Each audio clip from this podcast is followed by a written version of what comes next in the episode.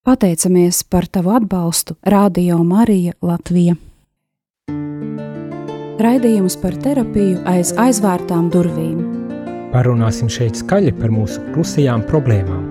Tas, par ko visbiežāk runāt skaļi baidamies. Par mūsu psihisko veselību un Dievu.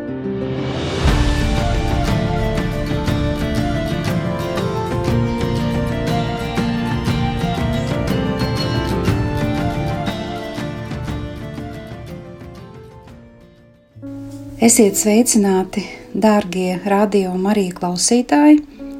Kopā ar jums geštāla terapeite Sandra Krupenko, un šoreiz vēlos turpināt tēmu par psiholoģiskajām robežām. Nedaudz sīkāk pārunājot, kur tās sākas, kā tās ievērot un ko darīt. Tātad, mm, kas ir robežas? Ko mēs par tām vispār zinām? No kurienes tās rodas, kā mēs tās nospraužam, kādas var būt grūtības robežu veidošanā. Mūsu ķermenis un mūsu āda ir pirmā mūsu robeža. Arī mūsu emocijas, jūtas, tās arī ir robežas. Un kā tieši emocijas ir mūsu robežas, kādā veidā? Piemēram, kad es dusmojos, tad tās ir konkrēti manas dusmas. Otrs cilvēks kaut ko saka, bet es dusmojos. Un tās ir manas dusmas, nevis šī otra cilvēka, kurš runā. Un līdz kurai vietai tad ir tās manas dusmas? Kur ir mana dusmu robeža? Kur vispār ir mūsu dusmu robeža? Kur sākas otra cilvēka robežas? Kur atrodas mūsu dusmu robežas. Tur, kur beidzās dusmas, tur ir robežas. Un katram cilvēkam šī dusmu robeža ir cita.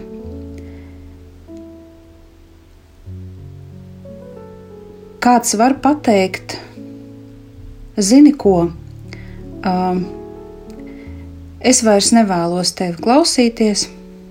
Ir vēl tāds teiciens, ej ratā un tā būs arī viņa robeža, dusmu robeža. Tas būs arī viss. Cits cilvēks um, varbūt sāks kliegt, un var tur, turpināt šo kliegšanu, nu, piemēram, ilgāku laiku. Nu, es varbūt nepārspīlēšu, ka veselu stundu, bet vairākas minūtes, kamēr viņš piekusīs un apstāsies. Un tā būs savukārt viņa dusmu robeža. Svarīgs jautājums ir, vai eh, mēs katrs pazīstam to savu dusmu robežu. Tas var būt atkarīgs no tā, kā ar mums ir izrīkojušies kādreiz. Bet ir vēl pirmais faktors, proti, tas ir atkarīgs no ko ar mums ir darījuši. Nākamais faktors ir atkarīgs no cilvēka, pret kuru uh, dusmas ir vērstas. Jo, ja piemēram tas ir tūs cilvēks, mīļš cilvēks, ir viena lieta, bet ja tas ir svešs, tad pavisam cita. Vēl, protams, arī uh, tēma vai jautājums, kura dēļ radās iemesls dusmām, un arī tas var atšķirties. Piemēram, um, Māma atvēra istabā logu un radās caurvējš. Bet tev ir vājas ausis, tu bieži slimo. Ko tu teiksi? Aizver logu, ko tu dari? Un ar to dusmas beidzās. Bet ir ļoti nopietni jautājumi, kuru dēļ mums paceļas dusmas, un tādas pamatīgas varētu salīdzināt kā ar ūdens kritumu. Lieta tāda, ka dusmas var būt iznīcinošas ne tikai priekš cilvēkiem, kuriem tās, uz kuriem tās tiek virzītas, bet arī priekš mums pašiem. Tāpēc nebūtu labi līdz tai dusmu robežai aiziet un to pārkāpt, bet kā to izdarīt, ko darīt, lai tas mūs neiznīcina. Tāpēc atgriežamies atpakaļ pie sākuma jautājuma, kas vispār bija robežas. Tātad pieskaršanās vai saskarsmes vieta, noteikta teritorija, teritorija, uz kuras nedrīkst iet, bet to visu apkopojot, tas skan šādi: robežas tā ir manas eksistences teritorija, manas attīstības un pašrealizācijas teritorija. Robežas, kas nodrošina manu funkcionēšanu, normas, robežas, bez psihiskiem traucējumiem. No kurienes tās robežas rodas? Nu, jāsaka tā, ka tās ir radījis Dievs jau radot pasauli, noteiktu kārtību pasaulē, radot mūsu noteiktā kārtībā. Un kā ar mūsu ķermeni? Tātad vispirms no fizioloģiskā skatu punkta, tad robežas ir arī mūsu maņas. Mums ir dzirde, mēs varam noteikt skaņu, skaņas tīrību, bet mēs noteikti nedzirdam kaut kādas ļoti smalkas skaņas. Piemēram, to, ko dzird sikspārnis, to cilvēks nevar dzirdēt. Droši vien ir vajadzīga speciāla aparatūra, lai to dzirdētu. Vēl mūsu robeža ir, ja no fizioloģiskā skatu punkta skatāmies, izsalkums. Tad jautājums, cik ilgi katrs var palikt bez ūdens. Nu, jāsaka, kā nu kurš, bet katram ir savas robežas.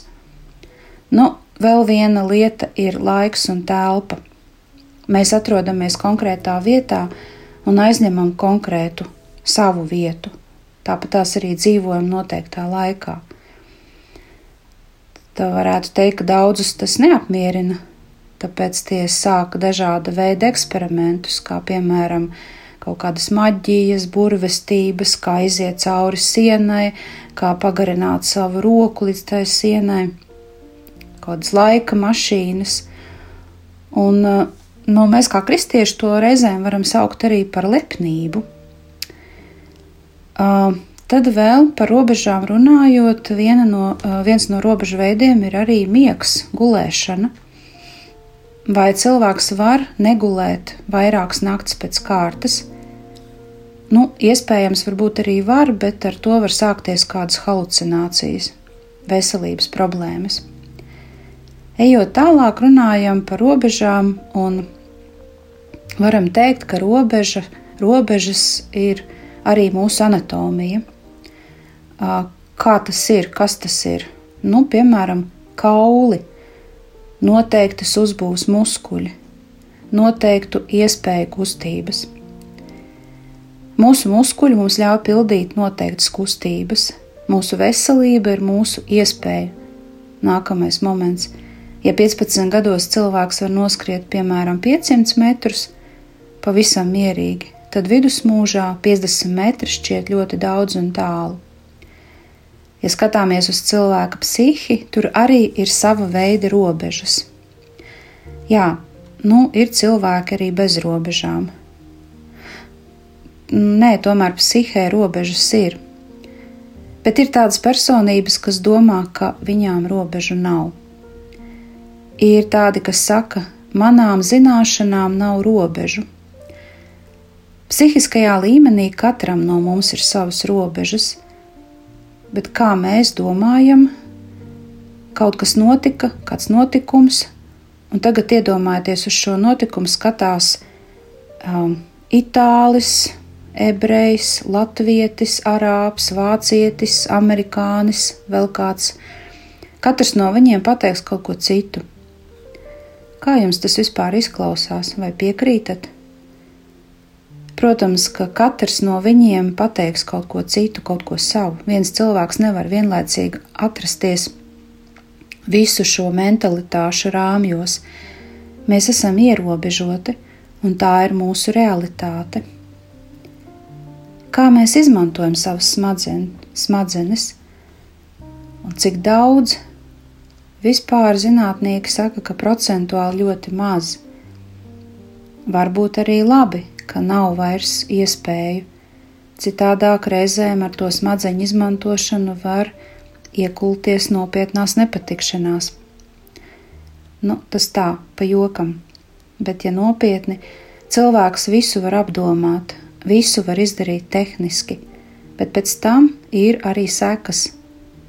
Un tās ir tādas parādības, par kurām darot, mēs maz domājam, diemžēl. Bet cilvēciskā gudrība, kas ir ierobežota, tā vispirms mums māca domāt par sekām. Tagad, ejot tālāk par robežām, runājot nedaudz par mūsu vecumu. Iepriekšējā raidījumā es arī par to nedaudz runāju, varbūt kaut kādas lietas atkārtosies, bet, kā zināms, atkārtošana ir zināšana māte. Tātad runājam par robežām, un no dzimšanas līdz apmēram 5-6 mēnešu vecumam bērna apziņa, bērns un vecāks, īpaši māte, tas ir viens vesels. Pēc sešiem mēnešiem līdz kādiem desmit mēnešiem bērns sāk saprast, ka viņš tomēr ir atsevišķi no mātes. Būtne, viņš ir atsevišķa būtne, un ka viņš tomēr nav viens vesels ar mammu un jau pēc pusgada bērnam ir jāpalīdz noteikt robežas, jāmāca. Bērns šajā vecumā sāk interesēties arī par citām lietām, un reizēm gadās tā, ka mātei tas nevisai patīk, jo tas taču ir viņas īpašums, bērns. Viņa viņu tur, bet viņš pēkšņi sāk grozīt galvu, tāpēc, ka ir ieinteresēts redzēt to, kas apkārt nekā tikai skatīties mātei sejā. Un, ja bērns ir privāti īpašums, tad mātei to ir grūti pārdzīvot. Ja bērns ir viņas privāti īpašums, tad tas ir viņas apziņā, jo bērns nevar būt viņas privāti īpašums. Varētu teikt, ka bērns ģimenē ir tāds kā garām gājējs vārda labākajā nozīmē. Bērns ienāk ģimenē, tur dzīvo, tiek audzināts, gatavots lielajai dzīvei un tad aiziet. Tāda ir bērna dzīve ģimenē. Un tāpēc jau no paša sākuma ir jāpalīdz bērnam nospraust šīs robežas, pazīt pasauli. Un tas notiek pēc desmit mēnešiem, apmēram līdz pusotra gada vecumam. Taču nekad nevienam bērnam um, visas nosauktās lietas nenotiek vienādi. Katram ir savs temperaments, katram savs laiks. Bērns pamazām izpēta pasauli un veidojas, veidojot personīgās robežas, un sāk uzzināt par robežām arī no citiem cilvēkiem. Tajā laikā tāpat viņš iemācās saprast vārda nē jēgu, un tas var notikt tātad, kā jau teicu, līdz pusotram gadam. Piemēram, ja nedaudz paskrienam uz priekšu un redzam, ka bērnam jau ir astoņi gadi, un jūs redzat, ka ir šīs te robežu problēmas, tad ir nepieciešams īpaši piestrādāt. Piemēram, bērns neklausa. Vajag meklēt problēmu, un ir jāskatās atpakaļ uz agrāko vecumu.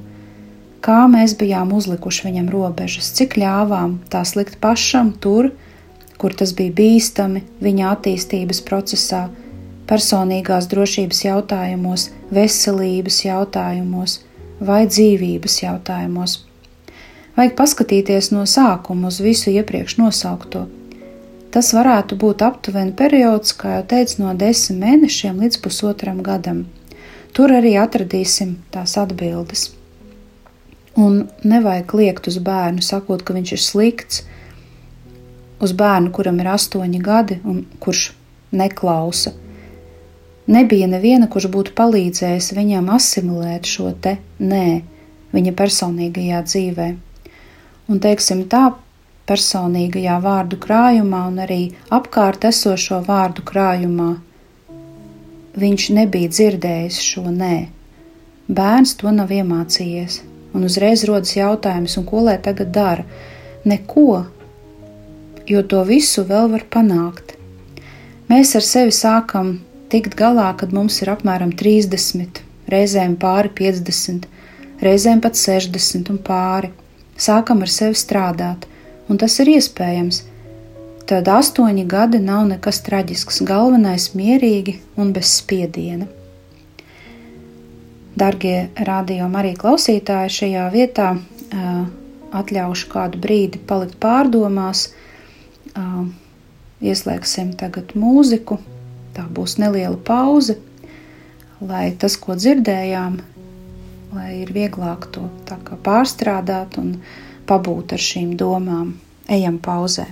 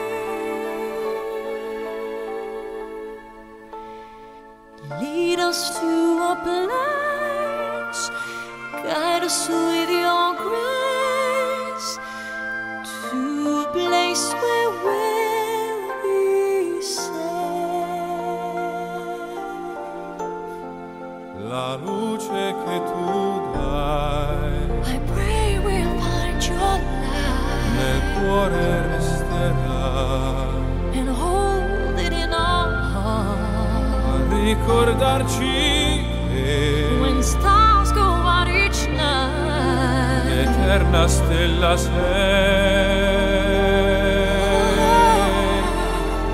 Nella mia preghiera Let this be our prayer. Quanta fede c'è When shall feel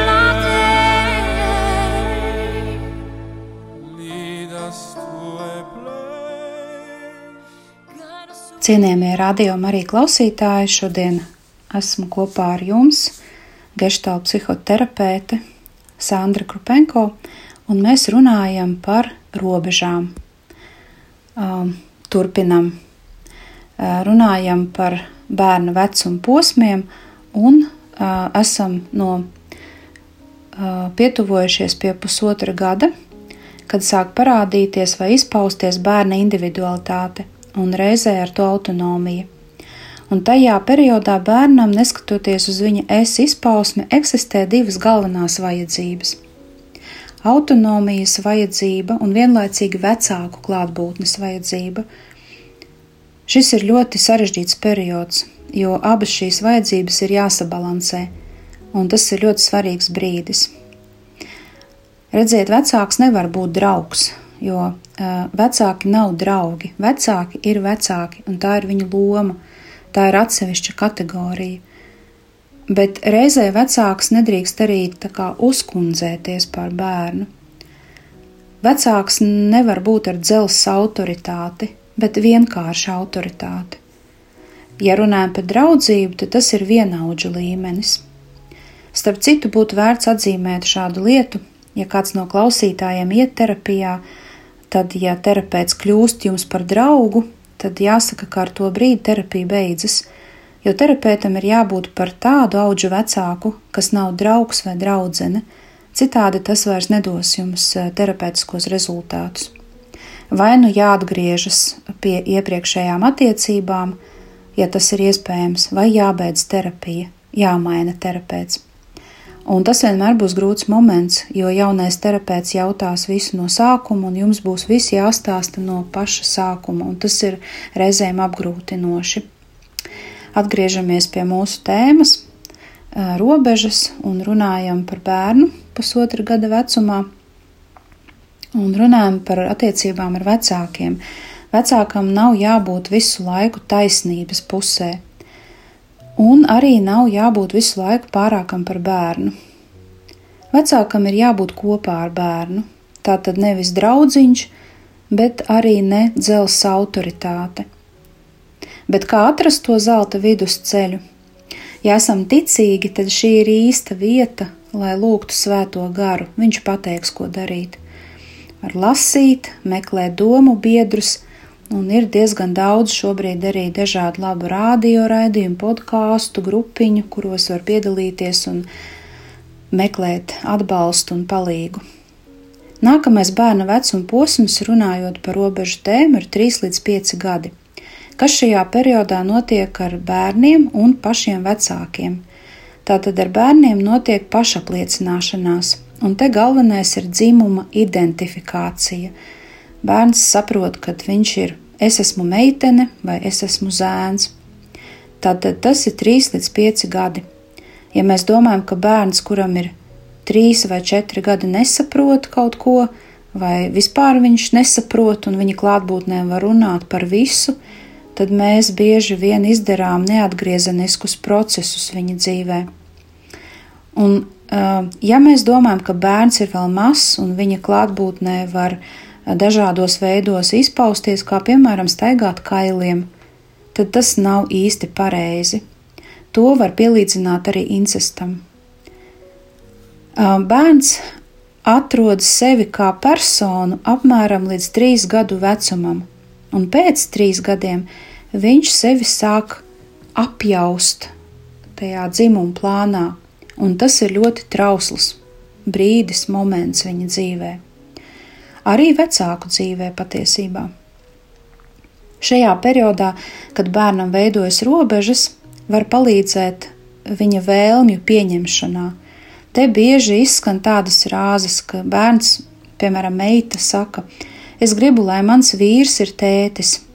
Domāju, ka daudzi to ir dzirdējuši no kādiem stāstiem, pazīstamām ģimenēm, varbūt pašu ģimenēs tādas lietas ir bijušas, vai pat paši to ir teikuši kādreiz. Tajā brīdī, ja meita saka tādus vārdus, nebūtu labi, ja vecāks teiktu, ak, ko tu tur runā muļķības. Vajadzētu teikt apmēram tā: Meitiņ ļoti labi, jā, tev būs vīrs, varbūt pat ļoti līdzīgs tētim, bet tavs vīrs nevar būt tētis, jo tētis ir mans vīrs, saka mamma. Un tas ir jādara ļoti mierīgi, uzmanīgi, ar pietāti. Bērnu vēlme ir jādzird, jāpieņem un jāvirza bet nevajag likt spiedienu. Un tas palīdzēs izprast un veidot robežas. Turpinot, var teikt, ļoti labi, tev būs vīrs, un varbūt ļoti līdzīgs tētim. Visdrīzāk tas tā arī būs, bet tas nebūs tētis, jo tētis ir mans vīrs. Un šī ir ļoti svarīga frāze robežu veidošanā. Proti, līdz šai vietai tu vari meitiņiet, bet tālāk nedrīkst. Ja mēs runājam par vecumu 6 līdz 11 gadi, mūsu dienās bērni aug un attīstās ātrāk, tāpēc tāds vecuma salikums. Mm, varētu teikt, ka pusauģa vecums sākas jau no 12 gadiem, bet reizēm var būt arī no 10. Šajā vecumā ir svarīgi, lai bērns uzņemtu, vair, uzņemtos vairākas atbildības.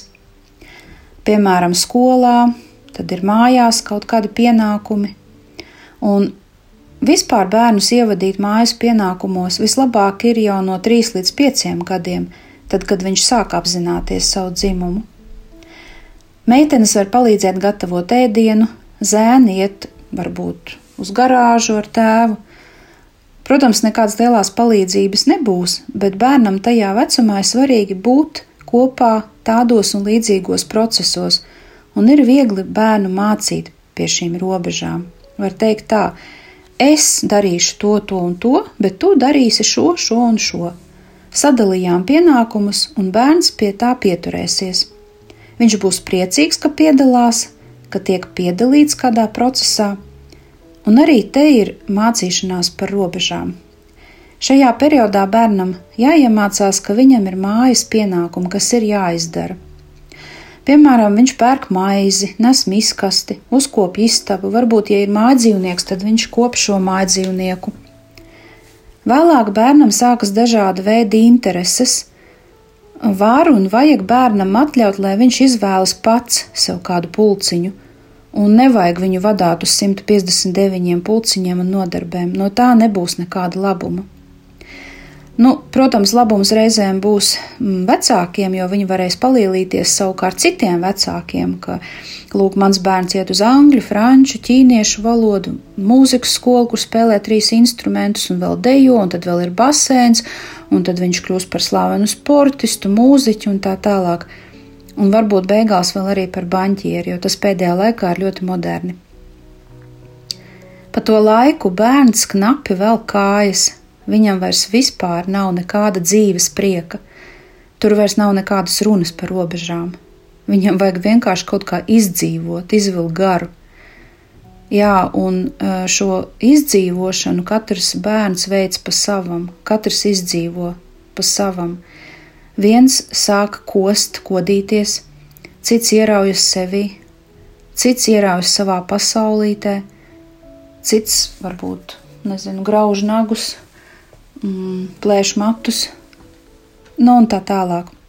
Jo redz, viņš apzinās to savā, savā pasaulē, ka viņš nerūp vecākiem, un viņam pašam ir kaut kā tajā visā jāizdzīvo. Saskarsme ar saviem vienaudžiem, visāda veida draudzība un sapratne šajā periodā uh, vajag bērnam palīdzēt ar sapratni visu to kaut kā saskaņot. Un priekš tam bērns ir jāiemāca, kādas lietas ir svarīgas un kādas ir mazāk svarīgas. Un vēl, kurā dienā kura lieta ir svarīgāka. Un tas ir sarežģīti. Tas, starp citu, attiecas arī uz mums, pieaugušajiem. Jo atnākot no darba, nereti sakām, es esmu tā noguris, tik ļoti gribas gulēt, pēdam vakariņas un ko daram, dodamies pie televizora un skatāmies. Ir interesanti, varbūt ne tik ļoti, bet tas ierauj un nemanot jau ir pusnakts. Kas ir svarīgi, kas mazāk svarīgi un kā vispār tiek risināts prioritāšu jautājums. Varbūt var kaut vienu vakaru paņemt rokās grāmatu, nevis slēgt iekšā televizoru. Cilvēki meklē variantus. Viens saka, var taču grāmatu palasīt, kad iet reklāmas, bet, kā saka Svētais Pāvils, visu var, bet ne viss ir noderīgi. Tas nozīmē, ka šajā periodā, par kuru mēs runājam attiecībā uz bērniem, 6 līdz 11 gadi, tad, tad ir jāpalīdz bērnam plānot viņa dzīvi, iemācīt plānot. Un te sākās vērtību jautājums, vērtību hierarhija, prioritāšu jautājums, tās, kam dodam priekšroku. Nereti gadās, ka pieaugušie satiekas un saka: Ko tu dzersi, teju vai kafiju? Bet ko tu piedāvā? Bet tu pasaki, ko te uztaisīt? Nu, es nezinu. Nu, pasaki, ko tev iedot? Nu, var gan tēju, gan kafiju, nu, es nezinu bet tad tu ieklausies sevī, piemēram, sajūti tējas garšu, kafijas garšu, izlem tagad šajā brīdī, kura garša visvairāk tev der. Un tas nemaz nav smieklīgi, tā mēs mācāmies apzīmēt robežas. Tas ir nopietns jautājums par to, kam dot priekšroku. Ja esi veikalā, lai nopirktu apģērbu, nopērc to, kas patika. Bet nevis nopērc un tad atnākot mājās esi neapmierināts. Izrādās, ka šī jaka patīk mazāk par to, kas palika plauktā. Un kāpēc nenopirki to? Nu, nezinu. Man likās, ka šai kvalitāte labāka, bet par to otru draudzene teica, ka esot laba. Un galu galā tā ir ar ļoti daudzām, ja ne ar visām lietām. Nevar veikt izvēli, jo piedāvājums ir pārāk liels. Dārgie radiokamā arī klausītāji, esam pietuvojušies pauzītei, un tagad muzikālās pauzes atpūtas laikā aicinu pārdomāt dzirdēto. Varbūt rodas kādi jautājumi, par kuriem gribas aprunāties, tad droši var rakstīt, zvanīt uz Radio Mariju.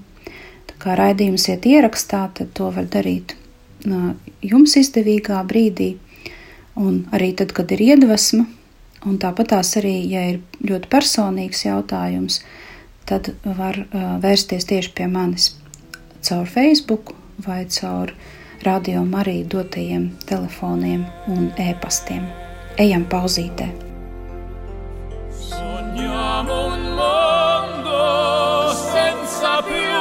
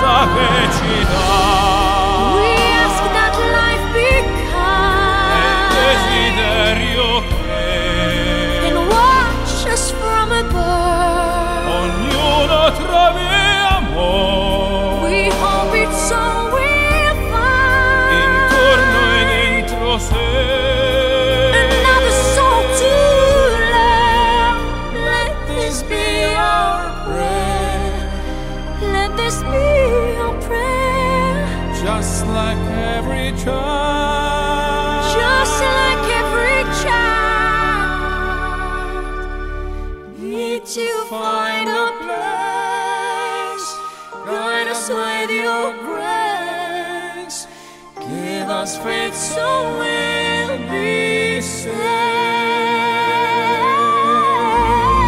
Ela fede che, ai acceso.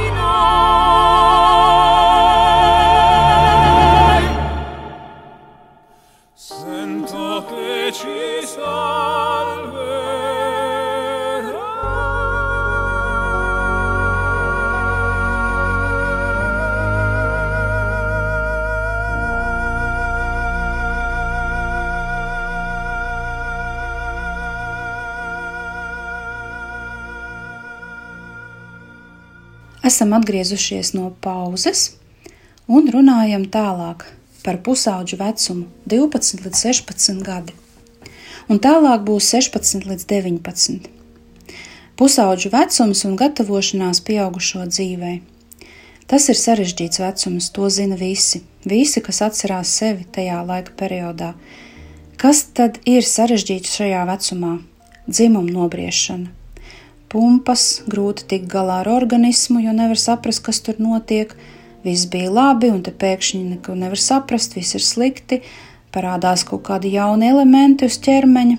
Jaunietis skatās uz sevi, un viņam tas nepatīk, varbūt arī patīk, kā nu kuram. Kādam kaut kas ir par daudz, kādam par maz, kāds grib, lai ātrāk izaug, un tā tālāk. Gan tā slikti, gan citādi nav labi. Tas ir periods, kad cilvēks aptuveni izvēlas arī savu profesiju, apmēram 14 gadu vecumā. 16, 17 gadu vecumā jau nopietnāk domā par šo izvēli. Pamazām gatavojas arī patstāvīgai dzīvei, un tas ir laiks, kad bērnam ļoti stipri ir nepieciešams vecāku atbalsts, lai palīdzētu veidot, veidot tālāk šīs robežas. Jo ja skatāmies uz vērtībām, attiecībām, profesionālo plānu, tas ir, protams, par nākotni.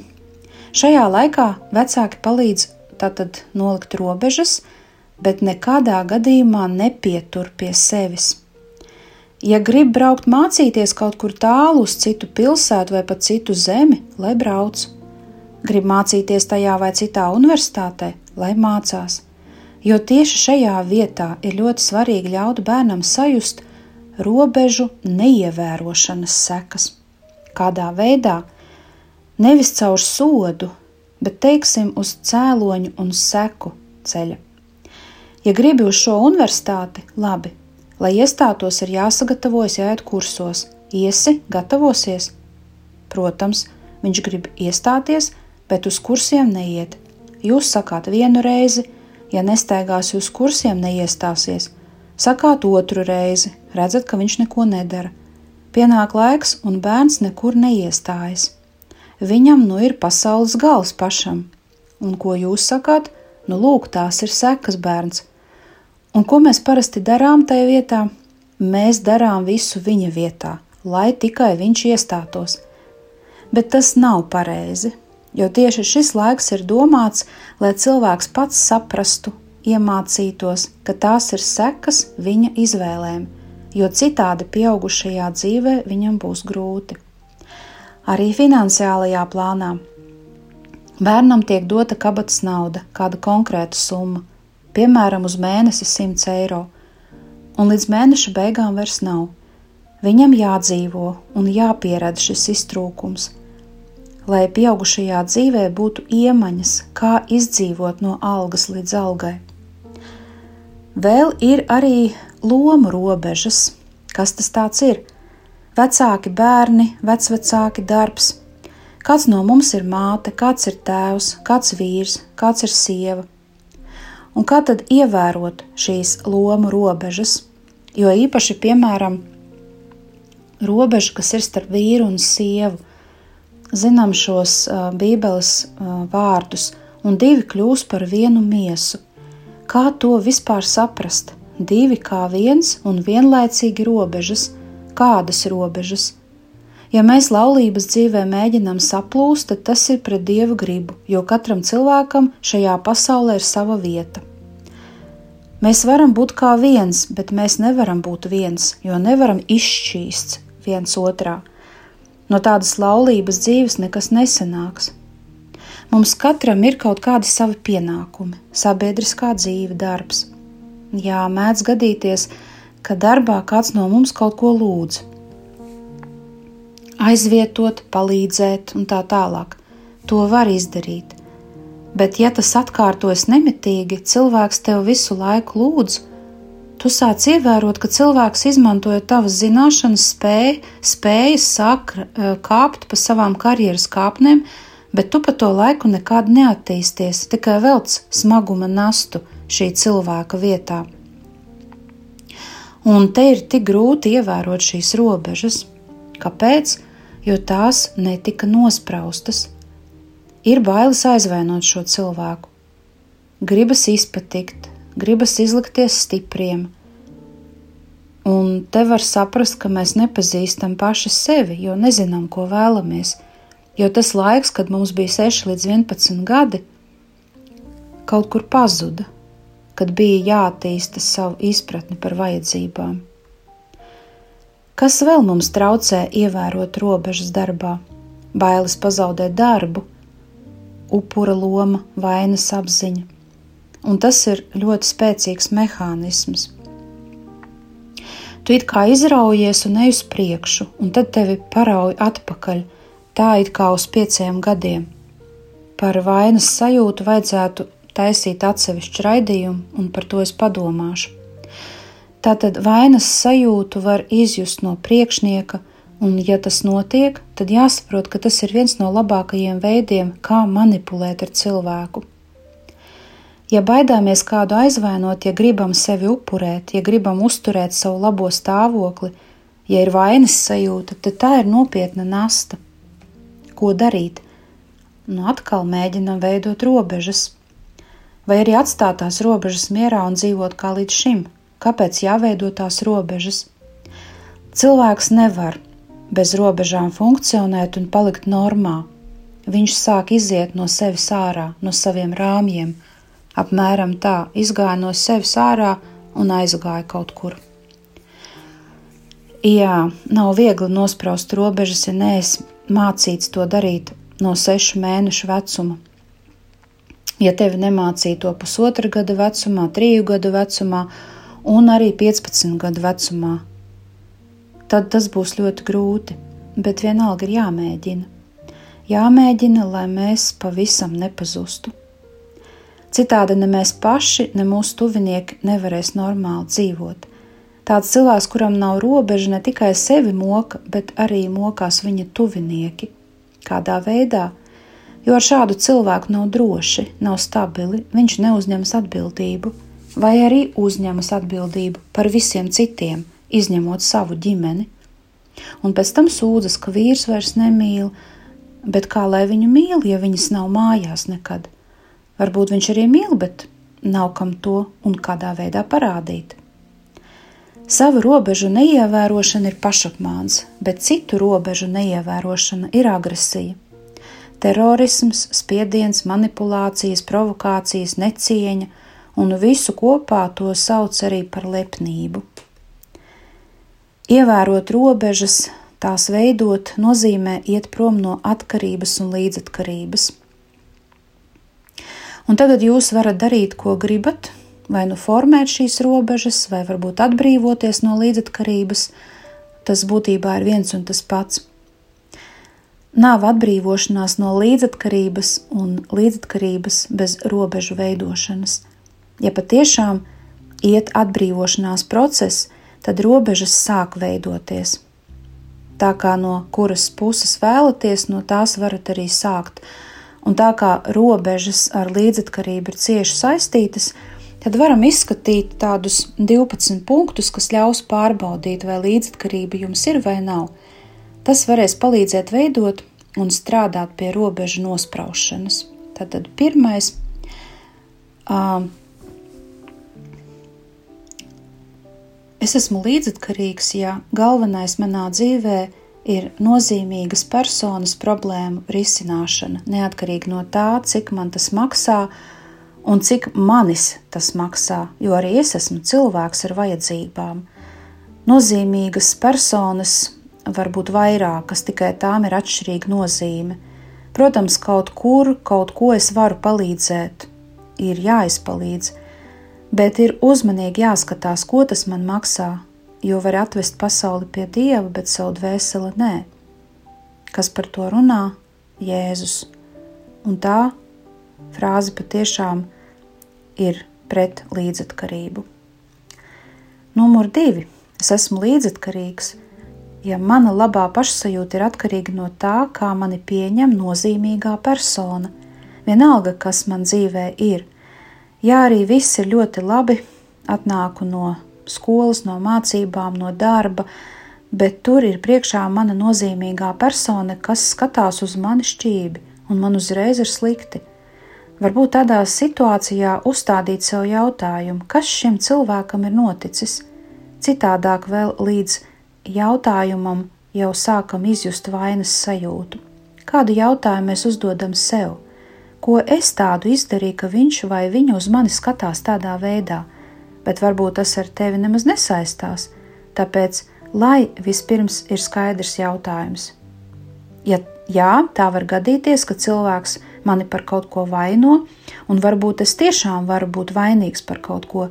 Tā tad atbildu par kaut ko. Tāpēc vispirms vajag atbildēt uz šiem jautājumiem un līdzīgiem jautājumiem, un tikai tad pieņemt lēmumu. Numur trīs.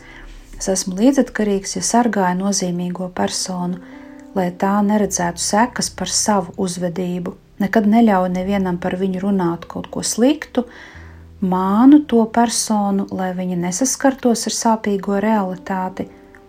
Robežu formēšana šeit var sākt šādi, piemēram, kāds saka kaut ko sliktu par man nozīmīgo personu. Varbūt šajā vietā nevajag doties cīņā, jo katram cilvēkam ir savs viedoklis par šo personu, ne tikai man. Var ļaut cilvēkam palikt pie sava viedokļa, var aizstāvēt, bet vispirms ir jāpaskatās, Ir vērts to darīt vai nav, jo nevienmēr ir vērts.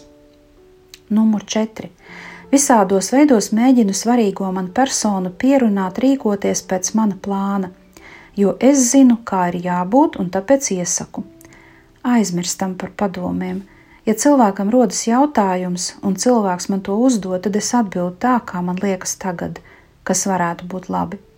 Ja cilvēks neprasa, ja cilvēks neredz problēmu, nesaprot, nevajag uzmākties.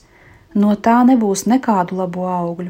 Es eju pie cilvēka, pārkāpju savas robežas, viņa robežas, un tam nav nekādu labo rezultātu. Numur 5. Es neņemu vērā personīgās jūtas un vajadzības. Mani interesē tikai nozīmīgās personas jūtas un vajadzības. Par šādu cilvēku var teikt, ka viņš ir miris, taču viņu vēl var augšām celt. Tas izklausās aptuveni tā: manis nav, ir tikai tas otrs cilvēks. Ko mēs darām šajā punktā, kad gribam ieturēt robežas? sākam uzdot sev jautājumu, ko vēlos es, un tas nav par egoismu. Tādā veidā jūs pieņemsiet to vietu uz zemes, kuru jums ir devis pats Dievs. Tas nav egoisms, atkārtojos, tā ir patiesība par mūsu dzīvi. Ko gribu es, kādas ir manas vajadzības, ko es jūtu? Lūk, ar šādiem jautājumiem ir jāsāk. Bet kopumā Ar šādiem jautājumiem var sākt pirmos soļus robežu veidošanā. Tie palīdzēs. Bet ne tikai ar jautājumiem, jo jautājumi ir doti, lai uz tiem atbildētu. Citādi tas viss ies atkal par īņķi, un mēs nekur netiksim. Te ir vēl viena interesanta lieta tieši kristiešiem, tiem, kas sevi uzskata par ļoti ticīgiem, kas it visas atbildes meklē pie Jēzus. Piemēram, jūs esat ciemos, un jums jautā, ko vēlies, tēju vai kafiju. Bet jūs pie sevis sākat sarunu ar Jēzu. Jēzu, kāda ir tava griba, ko man dzert, tēju vai kafiju? Un Jēzus jums no debesīm atbild: Vai es tev nesmu devis garšas sajūtu, vai es tev nesmu devis iespēju izvēlēties, vai nedevu tev tāpēc smadzenes galu galā? Un kas notiek tālāk, ja mēs paliekam šajā posmā? Tālāk var notikt tā, ka sāksies ticības krīze, jo es domāšu, ka Dievs ar mani nerunā, neatbild uz maniem jautājumiem, jo dzīves laikā mums tiek dotas kaut kādas iespējas, talanti, spējas, iepazīšanas, arī finanses, un visu to mēs zinām. Ja mums tiek dota iespēja, tad skatāmies, kas tur ir. Vai te viss ir kārtībā, korekti? Ja man ir dota iespēja pa pazīšanos kaut ko sakārtot, tad skatos, vai es nevienam nekaitēju, tad tā arī saku: Kungs, es atdodu tev visu, esmu tava, eju pa tavu ceļu un lūdzu vadi mani. Un viss. Bet, ja mēs darām, domājam un runājam apmēram tā, es nezinu, manis nav, es nezinu, ko vēlos, man nav savu vēlmju, ir tikai Dievs. Tad ar ko tas Dievs lai runā? Ja manis nav, tad ar ko lai viņš runā? Piemēram, Svētā Katrīna no Sienas, kas dzīvoja 15. gadsimta otrajā pusē, viņa bija mistiķe. Viņa dievam teica tā: Kungs, es gribu to, to un to. Un gandrīz katra viņu tikšanās sākās ar tādiem vārdiem: Tā kā, ja manis nav, tad es nedzirdu Jēzu un nezinu, kur man jāiet. Tā sākas ticības krīze. Pēc tam seko mīlestības krīze Tad es sāku meklēt tūkstoš dažādu kompensēšanas veidu, meklēju garīgo vadītāju vienu pēc otra, jo nevar pateikt neviens, ko man darīt. Bet Dievs man ir radījis, Viņš nolika man uz šīs zemes, tas arī ir fakts. Mums tika dota konkrēta fizioloģija, anatomija, psihe, gars, tas arī ir fakts. Bet mēs Dievam sakām, manis nav, esi tikai tu un viss. Nē, tas nav pareizi. Jā, mēs varam upurēties un teikt Dievam, Kungs, es izdarīšu visu, ko tu man teiksi, bet to izdarīšu es, nevis kāda virtuāla personība. Es varu runāt, un es saku, Kungs, es gribu tagad tēju, bet, ja tu saki, ka kafija ir labāka, tad es dzeršu kafiju, un tad nebūs ticības krīzes. Kā Jēzus runāja ar apstuļiem, piemēram, Lūkas evanģēlijā, no paša sākuma līdz beigām, Visiem tika dota vieta, visi sevi juta un izpaudās, pat jūda. Un, ja kāds domā, ka ir līdzatkarībās ar Jēzu, tad tā nav vairs kristietība, bet tā ir kaut kāda sekta. Ejam tālāk, un numurs seši. Es izdarīšu visu, lai nozīmīgā persona mani nepamestu. Numur septiņi. Izdarīšu visu, lai tikai nozīmīgā persona nedusmotos, Es vispār varu pazust, lai tikai personai būtu labi. Un, ja es vēl esmu bērns, un priekš manis nozīmīgā persona ir māte, bet māte man pastāvīgi saka, ja ne tu, tad es to, to un to varētu izdarīt. Kas atliek bērnam? Es neteikšu daudz punkts. Numur astoņi. Visā, kas neizdodas attiecībās, es vainoju tikai sevi. Numur deviņi Nedaudz labāk sevi jūtu vētrainās, dramatiskās vai pat traģiskās attiecībās nekā normālās, līdzsvarotās. Tas taču nav interesanti, tāda vienkārša dzīve. Tā ir neizturama garlaicība, bet vajag, lai ir kā uz šūpolēm.